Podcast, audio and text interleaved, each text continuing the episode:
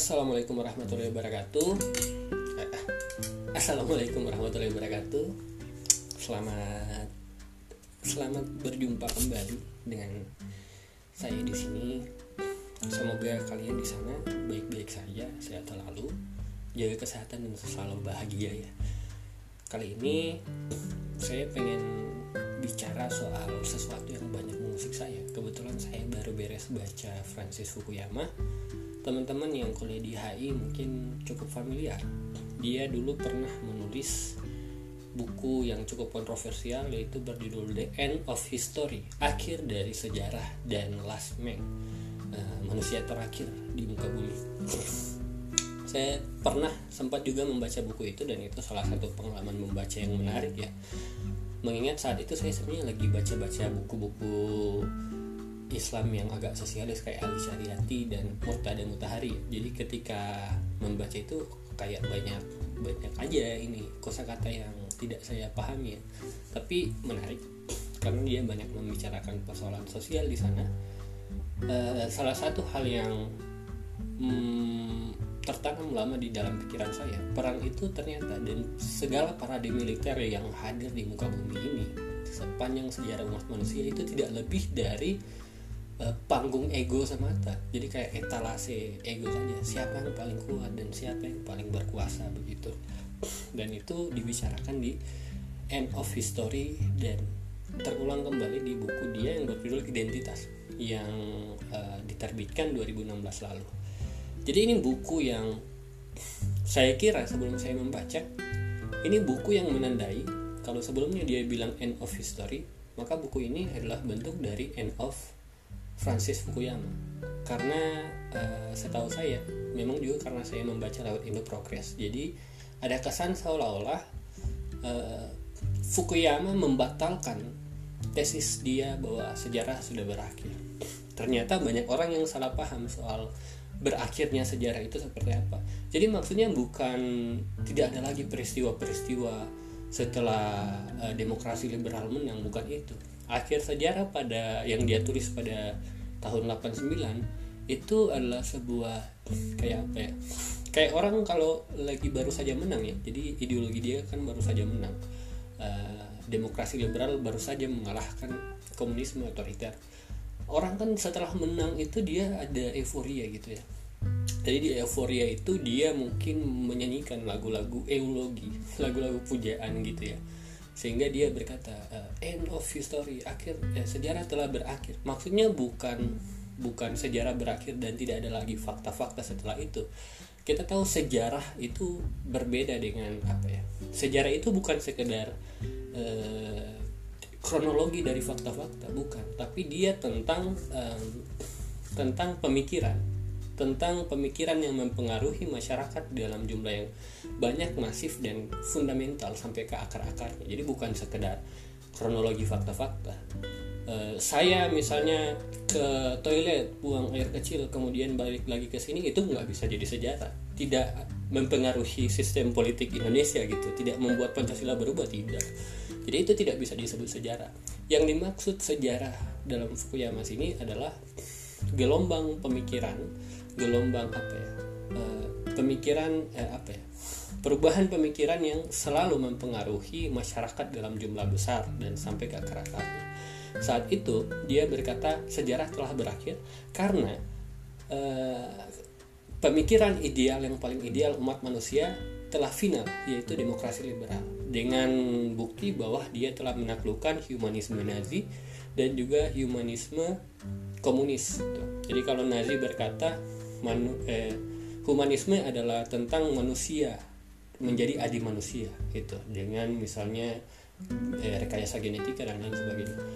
Komunisme berkata humanisme adalah tentang manusia harus setara gitu. Dua-dua itu kemudian dikalahkan oleh humanisme dari demokrasi liberal bahwa manusia itu harus bebas sebebas-bebasnya. Dan kemudian dia berkata sejarah telah berakhir. Artinya e, tidak ada lagi yang bisa menentang atau merevisi konsep bahwa manusia harus bebas di bawah e, demokrasi liberal. Panji-panji demokrasi liberal. Dramatis amat panji-panji. Gitu. Jadi itu yang dimaksud dengan akhir sejarah. Tapi um, akhir sejarah itu kemudian terganggu, terusik. Lebih tepatnya uh, Francis Fukuyama itu terusik dengan fakta bahwa 2008 dunia mengalami krisis global dan juga um, tahun-tahun belakangan Inggris keluar dari Uni Eropa dengan apa ya dengan klaim bahwa mereka itu lebih pengen menyendiri mengisolasi diri. Amerika kemudian e, menampilkan pemimpin dengan gaya yang agak apa ya yang yang jauh dari keramahan terhadap orang luar orang asing gitu. Yang bahkan tidak menampilkan demokrasi yang menghormati dan menghargai perbedaan. Tapi justru Amerika di bawah Trump itu pengen menunjukkan uh, politik identitas yang sangat kental. Dan kemudian uh, semua ini berkecamuk sehingga Fukuyama menarik kesimpulan bahwa hari ini dunia tengah mengalami resesi demokrasi atau demokrasi tren demokrasi itu mulai turun. Mulai dipertanyakan apakah demokrasi memang sistem terbaik? Dia sempat mengutip Samuel Huntington di sini di mana katanya ada tiga gelombang demokratisasi. Pertama itu kita tahu abad 19 saat itu Amerika dan fungsinya terhadap pemerintahan telah banyak menular ke negara-negara Eropa Barat. Memang negara-negara Eropa Barat ini eh, negara-negara awal ya yang mulai menganut sistem demokrasi. Gelombang demokratisasi kedua terjadi ketika negara-negara jajahan Nazi itu mulai memerdekakan diri setelah Nazi kalah. Banyak yang kemudian ada tujuh negara yang kemudian menganut demokrasi liberal. Kemudian demokratisasi besar-besaran terjadi atau gelombang demokratisasi ketiga itu terjadi dari tahun 70-an sampai tahun 2000-an. Jadi sekitar 30 tahun lebih e, banyak negara yang kemudian memerdekakan diri terutama ketika pemerintahan otoriter di Eropa Selatan terus di mana lagi ya di Amerika Latin di Asia salah satunya di Asia adalah Indonesia mulai memekatkan diri mereka dan menganut demokrasi liberal. Sampai tahun 2007 tercatat udah 123 negara yang menganut demokrasi. Yang kalau kita hitung ya itu lebih dari 50% eh, total negara dunia. Jadi saat itu negara di dunia itu ada 190 ya kalau nggak salah. Gitu. Jadi eh, kalau kita hitung 60% populasi dunia artinya hampir 4 miliar orang itu hidup di tengah-tengah udara uh, yang bebas secara demokratis. Nah, permasalahannya tahun 2008 angka 123 ini mandek dan banyak negara itu kemudian uh, mengalihkan diri mereka itu menjadi negara-negara otoriter kembali. Jadi mereka melepaskan demokrasi liberal mereka. Dan kalaupun ada yang masih menganut demokrasi itu biasanya ada beberapa negara yang menganut demokrasi tapi partainya itu partai tunggal artinya tidak ada pemilihan langsung di situ kita tahu pemilihan langsung terutama e, dari rakyat untuk rakyat oleh rakyat itu adalah akar dan jantung dari demokrasi ya. Karena itu memberikan e, peluang bagi masyarakat untuk menjadi bagian dari kekuasaan dalam skala besar gitu ya. Itu yang disebut dengan kedaulatan. Dan tahun 2007 dan setelahnya banyak negara kemudian uh, melepaskan diri dari demokrasi ideal itu banyak negara yang uh, demokratisasi itu kemudian menurun lagi angkanya apalagi ketika krisis global itu meledak banyak orang kemudian kecewa dengan demokrasi liberal yang ternyata uh, mungkin apa ya, orang mulai bosan atau bagaimana saya tidak mengerti tapi yang menarik yang juga ditangkap oleh Francis Fukuyama tren menurunnya demokrasi liberal ini disertai dengan bangkitnya sentimen identitas. Dan ini hal yang aneh. Kenapa? Karena hari ini orang-orang itu lebih gampang dipengaruhi dan digerakkan dalam skala masif dan besar itu bukan karena sentimen ekonomi justru. Jadi kalau kita pikir ya krisis global terjadi dan hari ini ketimpangan terjadi. Ketimpangan hari ini maksudnya orang itu orang kaya paling kaya di dunia dan orang paling miskin di dunia itu jaraknya semakin lebar. Nah, jadi ada krisis global, ada ketimpangan, tapi orang itu digerakkan justru bukan oleh sentimen ekonomi, tapi justru oleh sentimen identitas. apa yang apa yang terjadi di sini maksudnya? Kenapa demokrasi menurun disertai dengan bangkitnya sentimen identitas? Yang justru lebih banyak menggerakkan orang dibandingkan sentimen ekonomi. Di sini um, jadi salah satu PR juga pasca apa ya dalam soal sentimen ekonomi ini uh, jadi memang uh, abad-abad sebelumnya ada perang besar. Gagasan antara mana yang lebih penting? Apakah kebebasan atau kesetaraan? Kebebasan kita tahu diwakili oleh demokrasi liberal kesetaraan oleh masyarakat-masyarakat uh, sosialis dan komunis. Walaupun ya kalau kita cek masyarakat salah satu negara yang paling tidak setara itu justru adalah Rusia negara komunis itu sendiri. Tapi persoalannya begini hari ini orang sudah semakin bebas tapi orang uh, kebebasan artinya adalah semakin tidak setara jadi kalau kita cari statistik jumlah kekayaan orang-orang yang uh, paling kaya itu memang meningkat. Tapi juga jumlah kekayaan orang-orang uh, yang bawah yang miskin itu meningkat tapi sedikit banget itu penghasilannya. Jadi yang kaya memang makin kaya, yang miskin penghasilannya bertambah. Itu bisa dibuktikan dengan jumlah angka kemiskinan itu semakin berkurang. Gitu. Yang bertambah itu jumlah orang yang tidak bersyukur sebenarnya. E, jadi itu yang menarik. Jadi kebebasan akhirnya menciptakan ketimbangan artinya jarak antara yang paling kaya dan miskin semakin jauh gitu jadi adapun pembelaan demokrasi liberal soal tidak terjadi kesetaraan demokrasi liberal orang penganut demokrasi liberal berkata oh iya terjadi dong kesetaraan. Kesetaraan itu apa?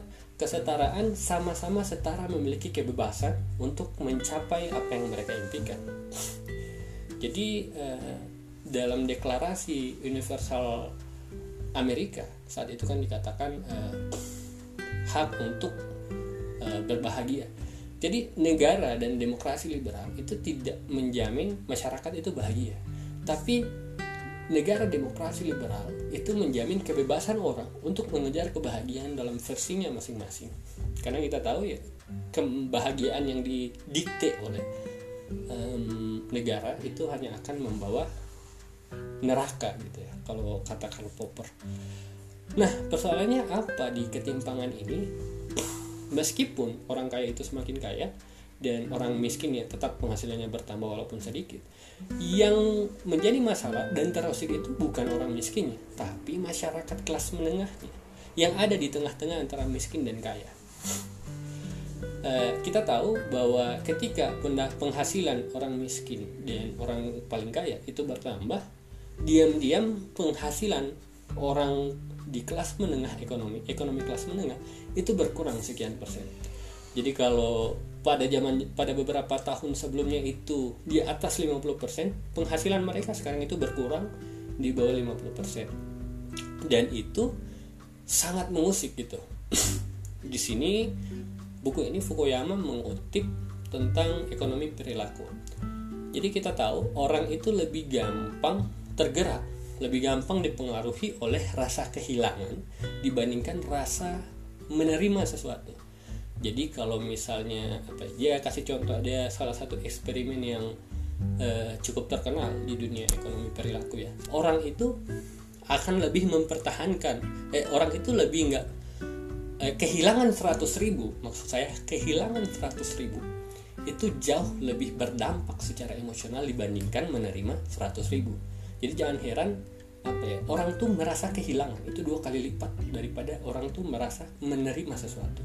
Kehilangan 100 ribu itu berdampak lebih kuat lebih mempengaruhi tindakan orang dibandingkan memperoleh 100 ribu. Jangan heran kita itu lebih gampang berpikir balas dendam dibandingkan membalas budi ya.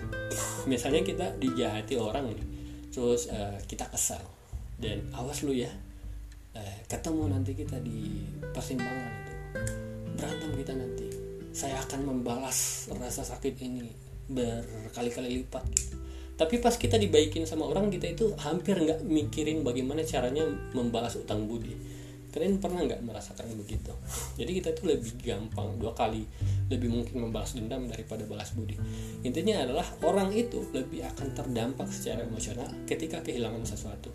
Dan dia ingin mempertahankan diri dia sekuat mungkin supaya tidak merasa kehilangan. Orang miskin ketika tahu bahwa penghasilan mereka biasa-biasa aja mereka udah biasa. Tapi orang kelas menengah dengan berbagai macam privilege yang telah mereka nikmati selama ini. Kekurangan pendapatan atau pendapatan itu berkurang itu bisa menjadi sesuatu yang menyakitkan. Jadi kita tahu ya kekurangan penghasilan itu bisa saja berdampak apa ya dia mempengaruhi tindakan orang dan orang itu bukan memang tidak akan langsung miskin di kelas menengah. Tapi mereka takut beberapa hak khusus mereka privilege itu itu tidak bisa dipenuhi lagi. Dan uh, akhirnya mereka akan menggunakan banyak cara sehingga uh, bisa mempertahankan hal itu. Jadi ketimpangan itu tidak mempengaruhi orang miskin tapi dia mengusik kelas menengah. Misalnya apa ya? Uh, musim semi Arab Arab Spring. Kita tahu Arab Spring dia dimulai dengan uh, satu kasus di mana seseorang bernama Bau Azizi itu dia dilodahi pedagang yang apa ya, dagangannya itu digusur dan diludahi oleh perempuan di depan publik. Jadi dia diludahi pas di depan pas di muka Azizi itu. Jadi wajahnya itu mukanya diludahi oleh polisi perempuan. Ya, kalian tahu lah ya di Arab itu kan patriarkis ya. Dia merasa terhina karena yang meludahi dia itu perempuan dan di ruang publik. Dan uh, peralatan dia untuk mencari nafkah itu digusur. Jadi akhirnya dia membawa um, membawa segalon minyak tanah. Kemudian dia membakar diri dia di ruang publik. Uh, yang membuat saya teringat dengan puisi An Mansur ya melihat api bekerja. Nah uh, peristiwa dramatis itu dan tragis itu itu mungkin seminggu akan selesai. Kalau misalnya tidak ada follow up dari media sosial. Jadi kita tahu saat itu uh, ada pembakaran ter yang terjadi di ruang publik sebagai upaya kritik terhadap pemerintahan Tunisia. Tapi uh, itu memang adalah apa ya uh, persoalannya adalah itu.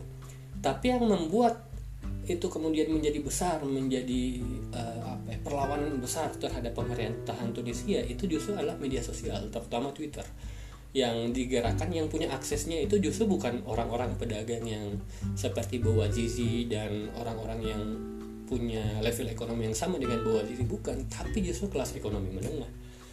Jadi eh, alat-alat berjuang hari ini yang pernah saya bahas juga di New Power itu justru adalah alat-alat yang bisa diakses oleh um, eh, masyarakat kelas menengah gitu. Jadi yang terusik dan yang membuat banyak gerakan itu justru adalah uh, masyarakat kelas menengah yang justru membangkitkan sentimen-sentimen apa sentimen identitas tadi gitu.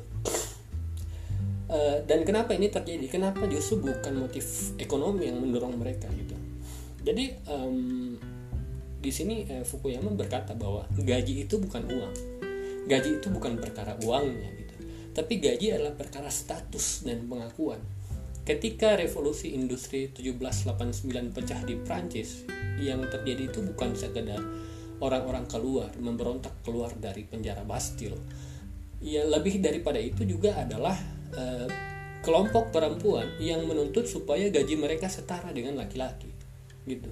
Persoalannya kan bukan di gajinya bukan di duit mereka itu sama dengan laki-laki bukan. Tapi di persoalan sama dengan laki-lakinya gitu duit itu hanya simbol saja gitu. Jadi uh, uang itu bukan uangnya yang kita persoal persoalkan. Ketika pendapatan kelas menengah itu turun yang mereka lihat bukan uangnya bukan uh, penghasilannya yang turun tapi status dan pengakuan terhadap diri mereka yang punya privilege yang turun gitu. Jadi kalau kata Marx kita itu selalu berantem gara-gara duit sebenarnya enggak enggak gitu kita itu berantem gara-gara status. Maka kesulitan ekonomi dia adalah persoalan kehilangan identitas. Ya maksudnya kehilangan identitas ini kehilangan status gitu. Jadi uh, ketimpangan itu tidak berdampak pada orang miskin tapi justru kepada kelas menengah yang mereka melihat bahwa kesulitan ekonomi yang sekali lagi secara psikologis orang tuh lebih takut kehilangan kehilangan privilege dan kehilangan status maka kesulitan ekonomi itu sebenarnya adalah perkara kehilangan atau krisis identitas dan itu yang menyebabkan kebangkitan dari populisme.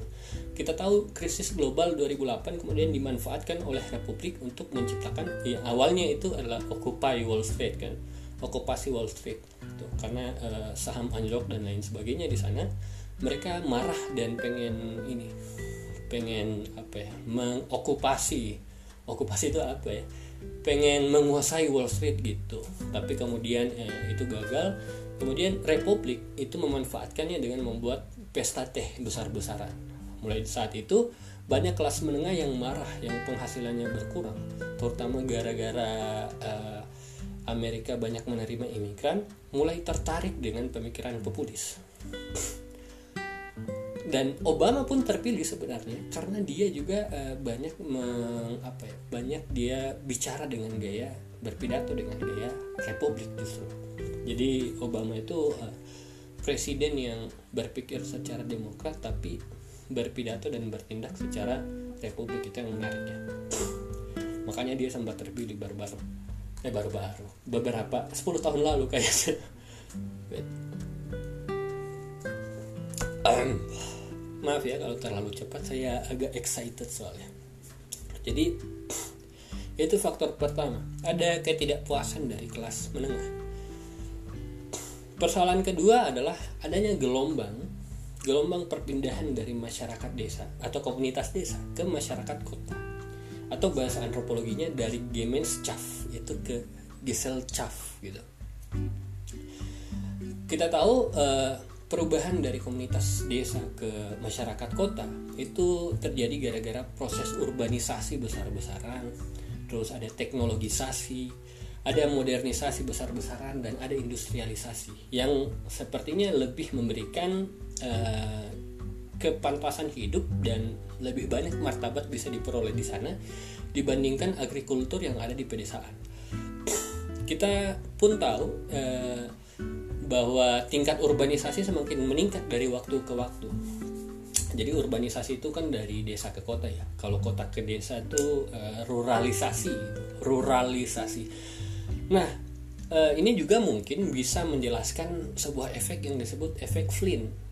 Efek yang yang apa ya saya baca di buku Rage yang juga pernah saya ulas di sini hari ini.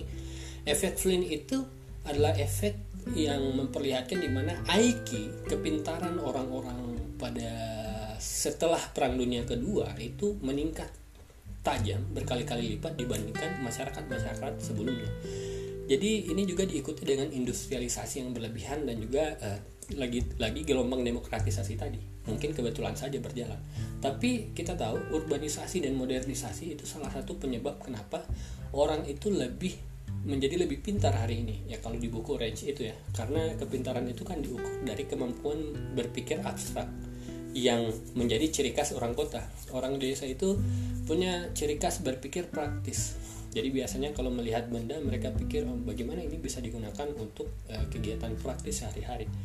Tapi ketika berhadapan dengan matematika, uh, biasanya orang desa akan kesulitan. Tapi orang yang berpikir kota, berpikir industrial, mereka akan gam, mereka akan lebih tertarik dengan hal-hal yang bersifat abstrak daripada yang praktis sehari-hari. Dan itu membantu meningkatkan IQ. Dan juga uh, industrialisasi dan uh, urbanisasi tadi terbukti telah meningkatkan banyak pendapatan ya penghasilan atau PDB eh, masyarakat gitu. Hari ini kita tahu PDB itu kan apa ya, ukuran kemakmuran suatu bangsa. PDB dunia dibandingkan tahun ini dibandingkan dengan tahun 1970-an itu empat kali empat kali lipat lebih banyak. Jadi hari ini dunia telah makmur empat kali lipat dibandingkan eh, 50 tahun yang lalu Artinya dunia semakin kaya berkat ya, perubahan ini. Jadi dunia semakin kaya, orang-orang semakin pintar. Persoalannya adalah kata Giorgio Agamben, salah satu filsuf yang kalau nggak salah filsuf yang masih hidup ya sampai zaman sekarang, semakin orang bahagia, eh semakin orang sejahtera kaya dan semakin orang pintar hari-hari ini, orang itu justru lebih terasing. Kita itu menjadi lebih kesepian, kita lebih tidak bahagia kita mungkin lebih sejahtera, lebih kaya dibandingkan masyarakat 50 tahun lalu. Kita lebih pintar dibandingkan masyarakat 100 tahun lalu, tapi kita tidak lebih bahagia dibandingkan masyarakat 1000 tahun lalu. Dan ini suatu persoalan modernisme gitu. jadi modernisasi perubahan dari komunitas desa ke masyarakat kota Gemeinschaft ke Gesellschaft itu menyebabkan uh, keterasingan. Ada lubang kosong di dalam jiwa kita yang harus diisi. Dan ini juga bisa menjadi penyebab dari krisis identitas tadi. Makanya jangan heran eh, banyak masyarakat kelas menengah itu kemudian kita tahu tiba-tiba di layar TV sudah hijrah gitu ya. Jadi ada keterasingan yang ingin mereka isi dengan um, dengan agama dengan identitas. Gitu. jadi obat dari dari keterasingan ini itu adalah ilusi identitas. Jadi kita eh, ingin mengisinya dengan sesuatu. Sebenarnya krisis identitas atau eh, apa ya atau kesepian atau keterasingan itu itu terjadi karena masyarakat semakin terindividualisasi kata Gambit di dalam realitas masyarakat kota atau masyarakat industri. Kita di di kota teman-teman di kota kita itu merasa kok saya ini hidup sendirian ya karena tingkat individualisme semakin tinggi.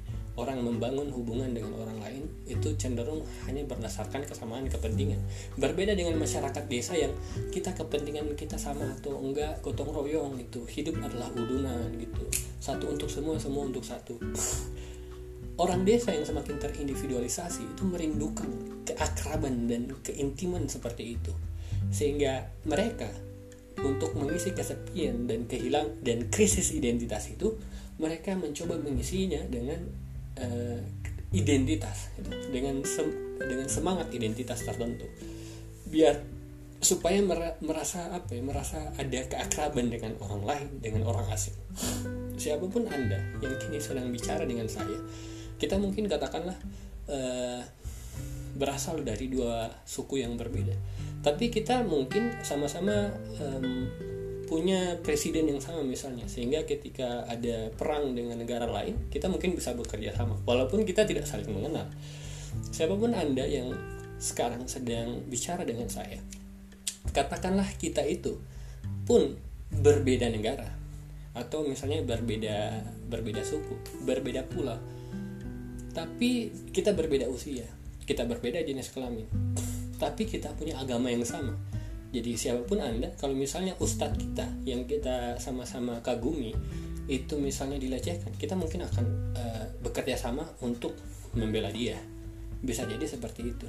Identitas membuat orang asing anda dan saya kalau misalnya kita berdua adalah orang asing satu sama lain bisa bekerja sama.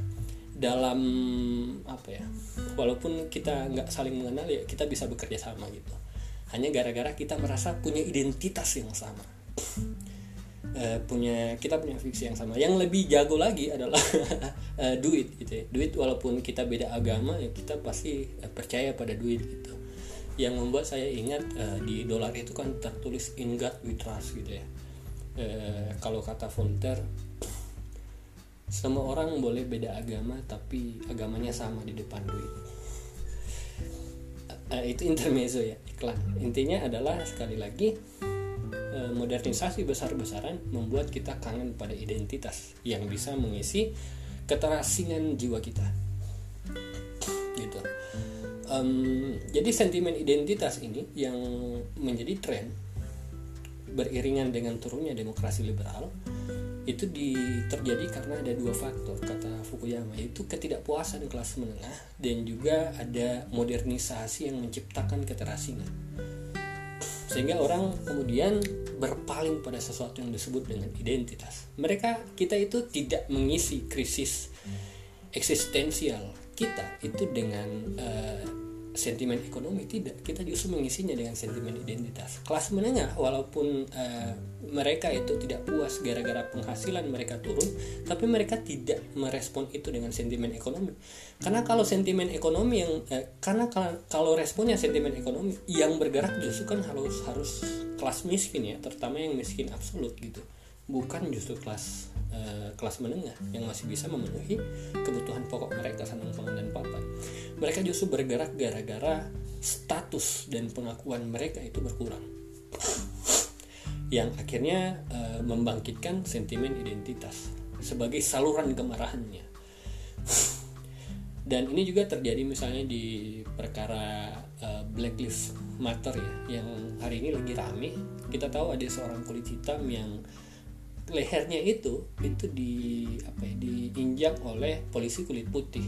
Saya tidak tahu ada masalah apa tapi tiba-tiba uh, solidaritas bangkit. Orang-orang dari berbagai segi yang anti dengan rasisme itu kemudian bergerak dan memobilisasi massa. Di tengah-tengah pandemi orang itu keluar dan bikin demonstrasi besar-besaran.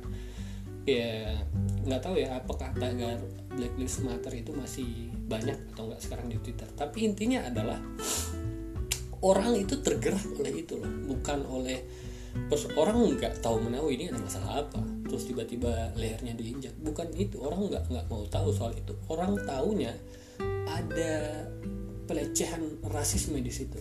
Karena ada kulit putih yang menginjak leher kulit hitam gitu. Itu tidak akan menjadi demonstrasi besar-besaran kalau yang menginjak leher kulit hitam itu juga polisi kulit hitam. Hal yang sama pernah terjadi pada tagar mitu yang pernah saya bahas di siniar soal buku New Power ya. Uh, mitu ini jadi ada seorang produser film yang berkuasa yang suka melecehkan perempuan di dalam profesinya gitu. Kemudian banyak artis yang angkat suara, mereka angkat bicara, mereka bilang bahwa uh, saya juga punya pengalaman pelecehan seksual di ruang kerja, di tempat umum, di tempat publik, di ruang publik, dan diakhiri semuanya dengan mitu. Saya juga, saya juga, saya juga gitu. Jadi uh, orang itu kemudian apa ya, lebih gampang digerakkan dengan sentimen bahwa oh saya juga sama-sama seorang perempuan nih itu kan identitas sama-sama seorang perempuan dan karena kita perempuan kita pernah dilecehkan di ruang publik ego kita terusik kemudian apa ya kebencian kita kemudian terbangun dan itu bisa menjadi kekuatan besar uh, tidak heran juga jadi orang tuh lebih gampang digerakkan oleh sentimen identitas itu dibandingkan sentimen ekonomi. Tidak heran banyak hmm, tesis dan nubuat dari Marx sosialis itu akhirnya runtuh berkeping-keping hari ini. Kita tahu akhirnya banyak memikir Marxis, neo-Marxis ya, namanya neo-Marxis yang akhirnya menggunakan uh, teori perjuangan kelas itu disangkut pautkan dengan identitas tertentu. Misalnya ada feminis Marx, feminis sosialis, terus ada lagi uh, komunisme hijau gitu ya. Kayak siapa Naomi Klein gitu kalau nggak salah gitu yang menghubungkan uh, eksploitasi alam dengan perkara kapitalisme. Terus uh, banyak lagi. Terus ada uh, anti rasialisme juga pernah digabungkan dengan uh, kritik kapitalisme dan lain sebagainya. Seolah-olah semuanya perkara duit tapi sekali lagi ini tidak lebih daripada uh, persoalan status dan pengakuan jadi sentimen identitas itu sebenarnya kata um, Fukuyama di sini mengulangi gema dari apa yang pernah dia bicarakan di akhir sejarah adalah perjuangan panjang umat manusia untuk mengejar berburu pengakuan. Jadi kenapa kita itu pengen mempertahankan identitas? Kita itu sebenarnya pengen mempertahankan pengakuan. Tergantung dari identitas apa yang kita eh, pengen jaga.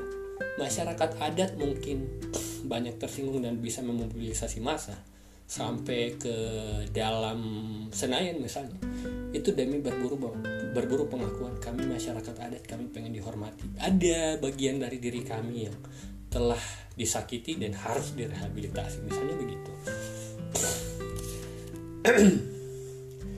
Um, jadi sentimen identitas itu adalah sejarah panjang bagian dari sejarah panjang untuk menuntut pengakuan.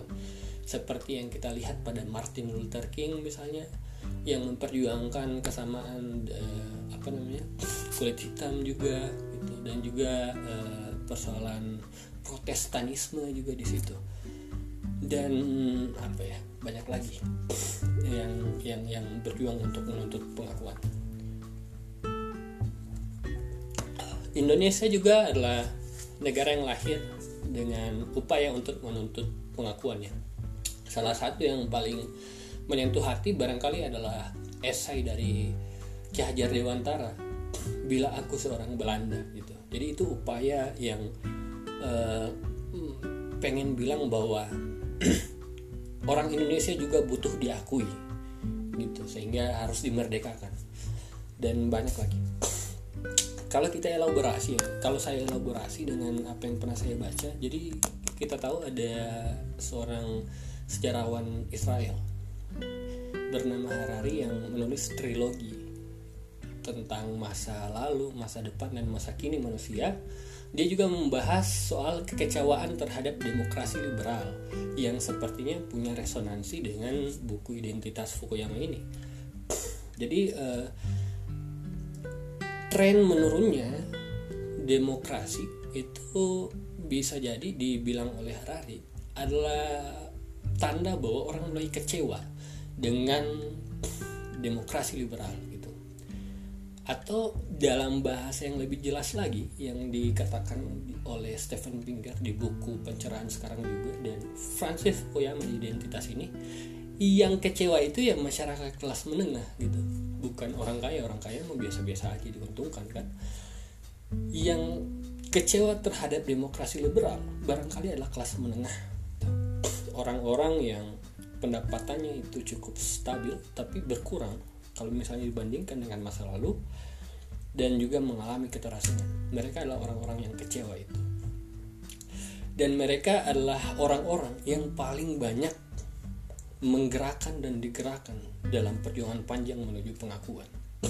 Ketika Prabowo atau politisi lain ya yang atau politisi lain entah di Indonesia dan di mana pun Erdogan atau misalnya Bolsonaro di Brasil atau Trump di apa di Inggris itu bicara banyak soal kemiskinan mereka bukan orang miskin.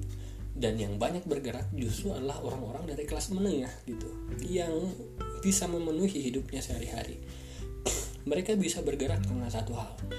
Ada suatu ego yang ingin mereka perjuangkan. Ada identitas yang ingin mereka kukuhkan gitu. Dan dalam banyak hal di masa lalu kita dan masa kini dia telah banyak melahirkan uh, revolusi yang disebut dengan revolusi martabat. Uh, bahasanya Fukuyama. Seolah-olah martabat kita itu lagi sekarat loh. Revolusi Prancis kita tahu adalah upaya uh, orang-orang untuk merehabilitasi ego mereka keakuan keidentitasan Prancis mereka dan identitas perempuan di dalam situ yang dikoyak-koyak oleh negara. Jadi ada bahkan negara eh, Raja Prancis yang berkata aku adalah negara gitu. Terus revolusi yang terjadi di Timur Timur, revolusi Mawar. Itu kita tahu terjadi gara-gara eh, orang itu merasa pengen diakui sebagai suku yang berbeda dari suku Indonesia. Terus revolusi Islam di Iran tahun 17 eh 1979 ya kalau nggak salah. Itu upaya yang di, yang berangkat dari kekesalan pada raja despotisme politik sehingga orang-orang tuh itu hampir tidak mungkin terjadi tanpa adanya eh, sentimen identitas Muslim Syiah di situ. Dan banyak revolusi lain terjadi. Revolusi misalnya revolusi kulit misalnya di mana kulit hitam itu e, berangkat untuk untuk menuntut kesetaraan dengan kulit lain gitu. Dan lain sebagainya setiap sebagian besar revolusi terutama revolusi 1945 itu tidak lebih dari upaya untuk menuntut pengakuan bahwa ada diri kita yang terluka ada identitas kita yang terluka dan kami membenci kalian yang melukai identitas kami dan kami pengen kalian merehabilitasinya. Kalau nggak rehabilitasi revolusi kita ini. Dan revolusi martabat itu pada masa lalu dia terjadi dalam upaya untuk mengejar demokrasi liberal. Karena uh, hanya di dalam demokrasi liberal hal-hal ini bisa dimungkinkan. Makanya tidak heran uh, ketika Bouazizi itu dipermalukan dengan diludah mukanya di ruang publik itu bisa memancing Arab Spring. Upaya negara-negara Timur Tengah untuk mendesak supaya negara-negara itu menjadi demokrasi demokratis gitu ya. Walaupun akhirnya gagal. Arab Spring itu gagal kalau menurut saya sih tinggal menunggu waktu aja ya dan salah satu upaya salah satu penentunya adalah kalau misalnya kekecewaan terhadap demokrasi liberal itu belum menular sampai di Timur Tengah Nah, kalau dulu revolusi martabat itu dia bisa meletus demi mengejar sesuatu yang disebut dengan demokrasi liberal, Artinya revolusi martabat adalah upaya untuk membinasakan uh, tirani di dalam negara mereka. Hari ini revolusi martabat yang ditakutkan oleh Francis Fukuyama itu seolah-olah bisa saja ditujukan bukan untuk membinasakan des despotisme atau tirani tapi bisa jadi untuk mengukuhkannya. Jadi karena dulu revolusi martabat kan ditunjukkan untuk berburu eh, demi men mencapai demokrasi liberal. Tapi di era di mana masyarakat kelas menengah kita itu banyak kecewa terhadap demokrasi liberal apa yang bisa kita revolusi di situ yang kita bisa revolusi adalah masa lalu yaitu eh, negara yang justru tiranik dan cenderung otoriter ini disebut dengan kalau bahasa Harari itu adalah kerinduan nostalgia kita terhadap masa lalu. Orang itu sudah muak dengan janji-janji masa depan yang ditawarkan demokrasi liberal, kemudian mulai diam-diam berpaling kepada masa lalu. Kalau bahasa saya ini politik regresi sih. Jadi eh, di era di mana demokrasi mengalami resesi, orang-orang itu mulai melihat kembali ke masa lalu. Buktinya eh, Brexit menjadi salah satu bukti ya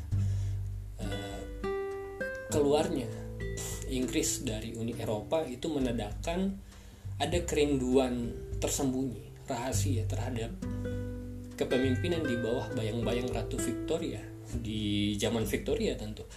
Terus eh, kemenangan Trump, populisme kanan Trump dengan slogan Make America Great Again. Seolah-olah pengen mengembalikan Amerika ke masa lalu. Seolah-olah masa lalu itu adalah kejayaan itu sendiri gitu saya tidak tahu saya tidak tahu itu masa lalu Egen itu Egen yang mana gitu apakah zaman Ronald Reagan atau zaman Watergate gitu terus um, di Islam kita tahu ada upaya uh, beberapa teroris pengen membuat sistem politik dan pemerintahan yang mirip dengan uh, nabi mereka pada tahun 700 Masehi 1400 tahun yang lalu. Jadi kalau misalnya Inggris pengen balik ke beberapa abad lalu Trump pengen balik ke beberapa puluh tahun lalu Islam pengen balik ke 1400 tahun lalu. Uh, walaupun ya uh, Ibnu Taimiyah kan pernah bilang persoalannya kan kalau tujuannya udah tercapai jadi uh, sistem pemerintahan itu kan memiliki tujuannya. Kalau tujuannya sudah tercapai ngapain institusinya harus dibangun lagi? Ngapain khilafah harus dibangun lagi? Dan selain itu juga selain kilafaismenya ISIS kita tahu ada uh, yang lain yang pengen mengembalikan sebuah tanah itu sesuai dengan apa yang tercantum di perjanjian lama gitu. Ada upaya untuk mengembalikan tanah Kanaan di timur yang digerakkan oleh kelompok Zionis gitu. Jadi Zionis ini uh, kelompok yang pengen petah dari wilayah mereka itu sesuai dengan tanah Kanaan di beberapa ribu tahun yang lalu. Um, walaupun Zionis itu bukan berarti Yahudi ya, karena banyak Yahudi yang menentang Zionisme dan bukan berarti semua orang Israel itu Yahudi, ada juga Islam di situ. Cuma kan dibawa ke Indonesia itu masalah yang terjadi di Palestina dan Israel itu masalah perang agama ya. Kenapa begitu? Karena sentimen identitas tadi itu lebih gampang mengajak memobilisasi massa. Jadi kalau cuma sentimen politik nggak ngapain? Eh, kita kan nggak terlahir di situ ngapain gitu kan? Tapi kalau bawa-bawa nama agama itu banyak yang tiba-tiba ikutan oh ini jihad ini harus jihad um, itu jadi memang persoalan yang terjadi di Palestina sama Israel ini sumbernya bukan persoalan agama ya tapi politik. Agama itu dibawa-bawa supaya uh, konfliknya semakin gede aja gitu. Jadi agama itu ya kayak bensinnya aja gitu. Nah. Itu yang disebut politik identitas. Dan revolusi martabat hari ini adalah upaya yang akhirnya cenderung mengarah ke situ. Upaya untuk mengukuhkan uh, masa lalu gitu dibandingkan uh, menyusun jalan ke masa depan. Jadi ini juga PR bagi demokrasi liberal sih. Ini tantangan. Uh, bagaimana mengatasi kekecewaan-kekecewaan ini? Ataukah masyarakat sebenarnya hanya bosan saja gitu? Kan ada titik jenuh tertentu ya orang kalau kelamaan menganut sesuatu. Oke oke. Okay. ya jadi itu. Jadi uh, hari ini kita tahu gelombang demokratisasi itu mulai menurun ada tren yang di mana kata Fukuyama terjadi resesi demokrasi dan banyak orang-orang kecewa terutama kelas menengah yang kecewa terhadap demokrasi liberal. Dan kelas menengah ini juga adalah kelas menengah yang kangen kesepian dan terasing dari uh, di tengah-tengah masyarakat yang paling kaya dan paling pintar sehingga mereka membutuhkan satu pelipur lara yang membuat mereka intim dengan orang lainnya. Itu disebut dengan identitas yang banyak menggerakkan orang demi pengakuan. Selama orang memiliki identitas saat itu mereka merasa memiliki kekuatan bersama.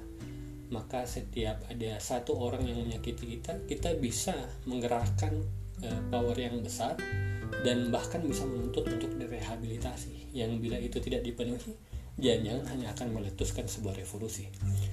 Dalam upaya merehabilitasi martabat yang sekarat barangkali dan hari ini dia menjelma di dalam upaya ada kecenderungan di mana dia hanya akan mengukuhkan uh, masa lalu dan hanya akan mengukuhkan tren yang disebut apa ya purifikasi. Hari ini kan lagi tren ya uh, misalnya mencari pemimpin yang otentik gitu. Terus siapa yang paling Indonesia di antara kita gitu.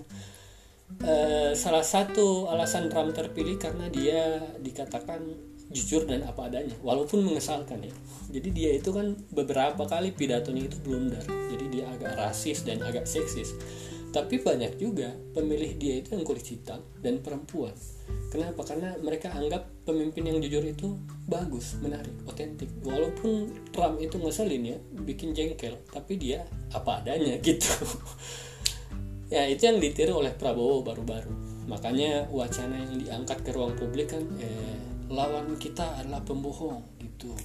Jangan mau dibohong-bohongi gitu. Jadi seolah-olah um, si Prabowo ini dia jujur dan apa adanya. Karena orang tuh kan suka yang otentik. Beberapa orang suka yang otentik begitu. Jadi itu ya ada otentisitas ada purifikasi dan juga ada upaya untuk mencari siapa yang paling murni siapa yang paling Indonesia kita tahu di beberapa momentum politik terakhir Indonesia itu banyak perdebatan soal siapa yang paling Indonesia gitu. Seolah-olah itu membakar eh, sinyal-sinyal yang berbeda. Anti asing lah anti Cina lah dan lain sebagainya.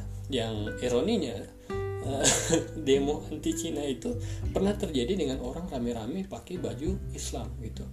Baju Islam ini baju koko ini kan berasal dari Cina juga gitu. Jadi kayak eh, lempar batu yang balik lagi gitu.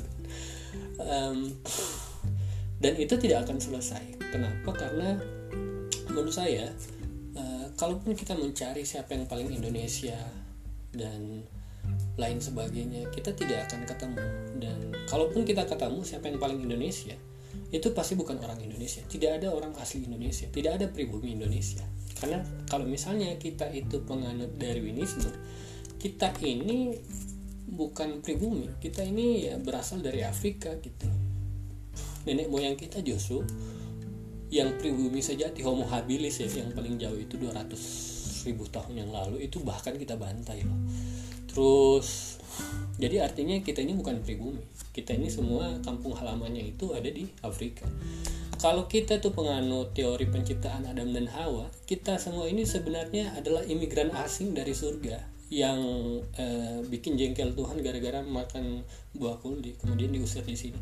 Bumi ini hanya penjara kita. Jadi kita ini sebenarnya hanya tamu juga kita. Jadi kita juga bukan pribumi gitu. Kita ini pri surga gitu. Kita kita wisatawan gitu. Terus eh, kita ngaku-ngaku ini rumah gue gue pribumi di enggak. Justru ya kalau ya kampung halaman kita surga. Kalau misalnya kita penganut teori Adam dan Hawa jadi mudiknya itu mudik sesungguhnya itu pulang ke surga um, itu intermezzo ya jadi maksud saya kerinduan nostalgik yang juga dibicarakan oleh Harari ini dia bisa menjelma dalam mengukuhkan masa lalu sebagai kekuatan, kekuasaan, dan juga dia bisa berupa purifikasi, mencari siapa yang paling murni, yang sebenarnya adalah upaya yang sia-sia menurut saya.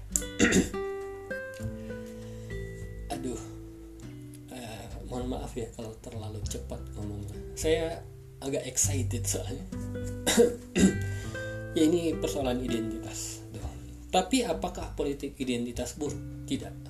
Uh, Francis Fukuyama di sini pun membahas soal perlunya penciptaan identitas nasional. Persoalannya adalah identitas ini akarnya apa? Jadi kalau yang ditolak oleh um, oleh Fukuyama itu adalah identitas yang berakar dari sektarianisme gitu. Jadi yang dimaksud dengan identitas nasional itu bukan identitas berdasarkan uh, masa lalu tertentu gitu, masa lalu atau ras tertentu atau suku tertentu bukan seperti itu. Nah jadi di buku ini dia ngebahas ada empat syarat untuk penciptaan identitas nasional tuh. Pertama itu adalah mobilisasi populasi itu. Dia bisa berupa imigrasi atau genosida. Jadi imigrasi dari kita tahu eh, kita semua adalah masyarakat imigran yang berangkat 70.000 tahun lalu dari benua Afrika kemudian ke berbagai macam benua ya jadi kita ini semua hanyalah imigran gitu dan kemudian memilih menetap di benua masing-masing zaman Jerman itu pernah juga ada genosida untuk mengukuhkan mana populasi yang merupakan bagian dari identitas nasional itu yang tidak Jerman asli itu harus dibinasakan harus dibina gitu dibinasakan terus kedua ada apa ya penataan teritorial, teritorialisasi gitu. Misalnya Timur Timur tadi yang saya bicarakan. Timur Timur itu kan terus gara-gara merasa tidak memiliki kesamaan sejarah dengan Indonesia karena dijajah oleh penjajah yang berbeda. Kemudian mereka mulai mematok batas teritorial antara uh, identitas Timur Timur dengan Indonesia yang memicu apa tadi revolusi Mawar. Tahun berapa itu ya? Zaman zaman Habibie. Nah belakangan lagi rame-rame juga soal Papua. Walaupun apa ya uh, saya juga memperhatikan ada upaya di mana Papua ini pengen dipetakan teritorialnya biar mereka memiliki identitas nasional sendiri.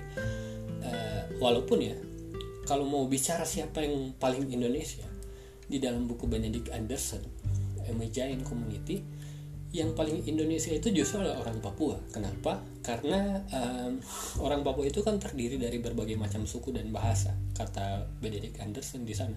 Sehingga untuk berkomunikasi dengan orang lain, dengan orang lain di suku lain, mereka harus pakai bahasa yang satu, yaitu bahasa Indonesia. Karena saking banyaknya bahasa, akhirnya supaya bisa nyambung dengan orang lain di pulau yang sama, dengan suku lain mereka harus pakai bahasa Indonesia. Jadi bahasa Indonesia sebagai bahasa pemersatu itu benar-benar pemersatu di Papua. Tapi saya enggak itu eh, sekedar apa yang saya baca. Tapi saya nggak mau terjebak dalam apa ya, Papua. Jangan dong keluar dari NKRI gitu.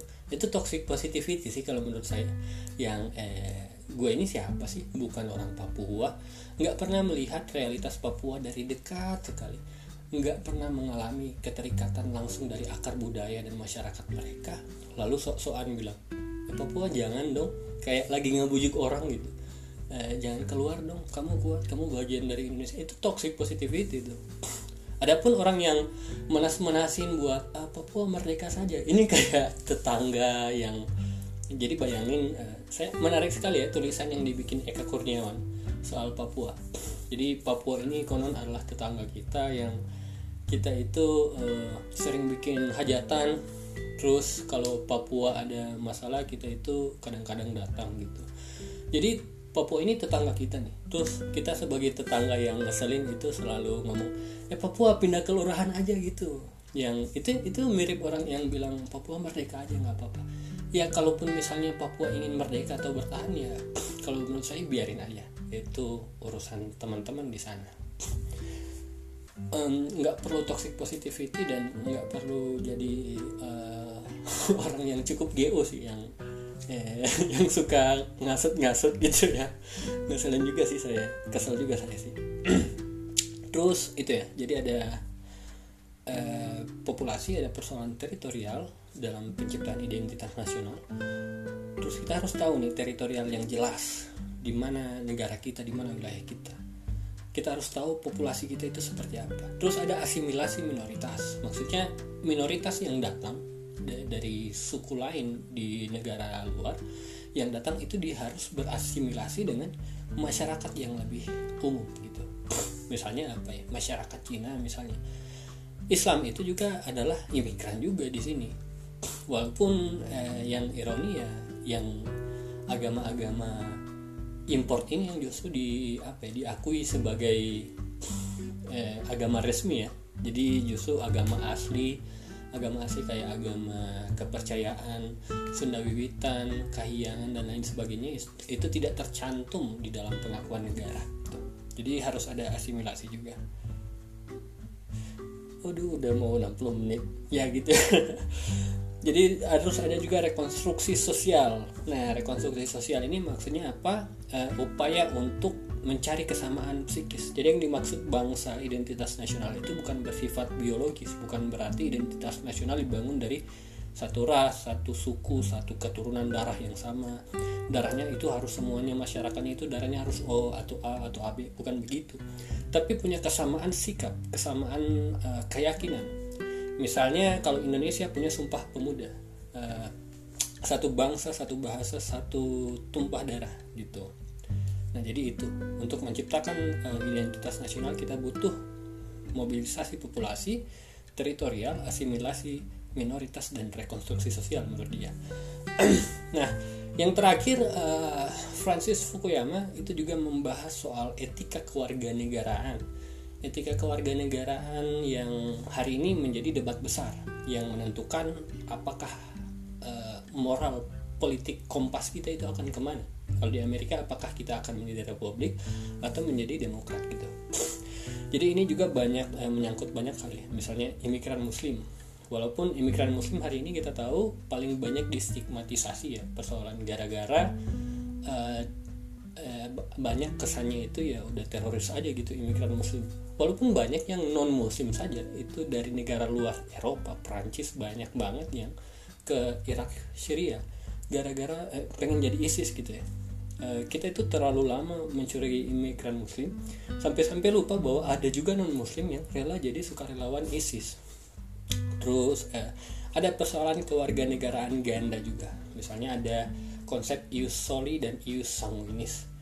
Ius soli ini eh, pemahaman bahwa kalau kewarganegaraan ditentukan oleh tempat lahir. Ius sanguinis ini kewarganegaraan ditentukan oleh um, keturunan orang tua. Jadi kalau orang tua orang Belanda, tapi anaknya lahir di Indonesia kan jadi masalah. Kenapa? Karena uh, Belanda itu penganut ius sanguinis, Indonesia penganut ius soli gitu.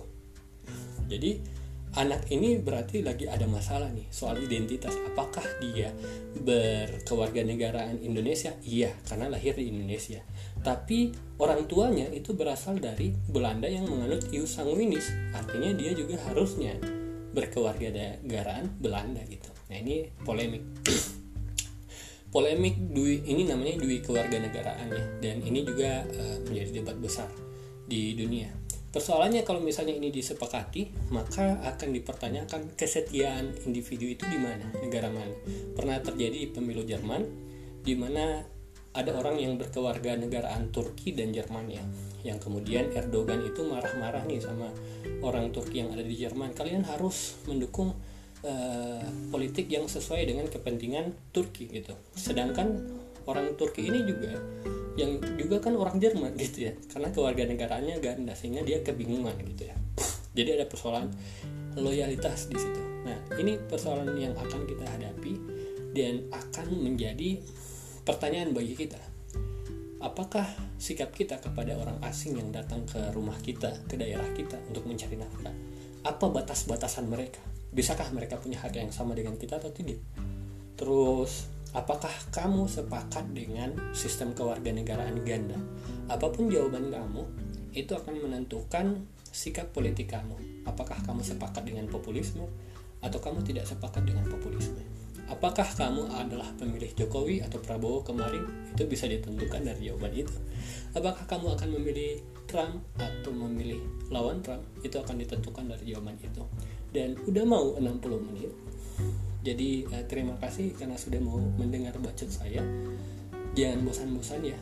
Dan kalau ada kekurangan teman-teman punya pendapat yang lain hmm, saya senang sekali kalau misalnya teman-teman mau ingetin atau misalnya pengen mengoreksi atau pengen mengkritik uh, sekian saja. Ini udah 15 detik lagi. Bye bye terima kasih. Sehat selalu dan selalu bahagia. Ciao. you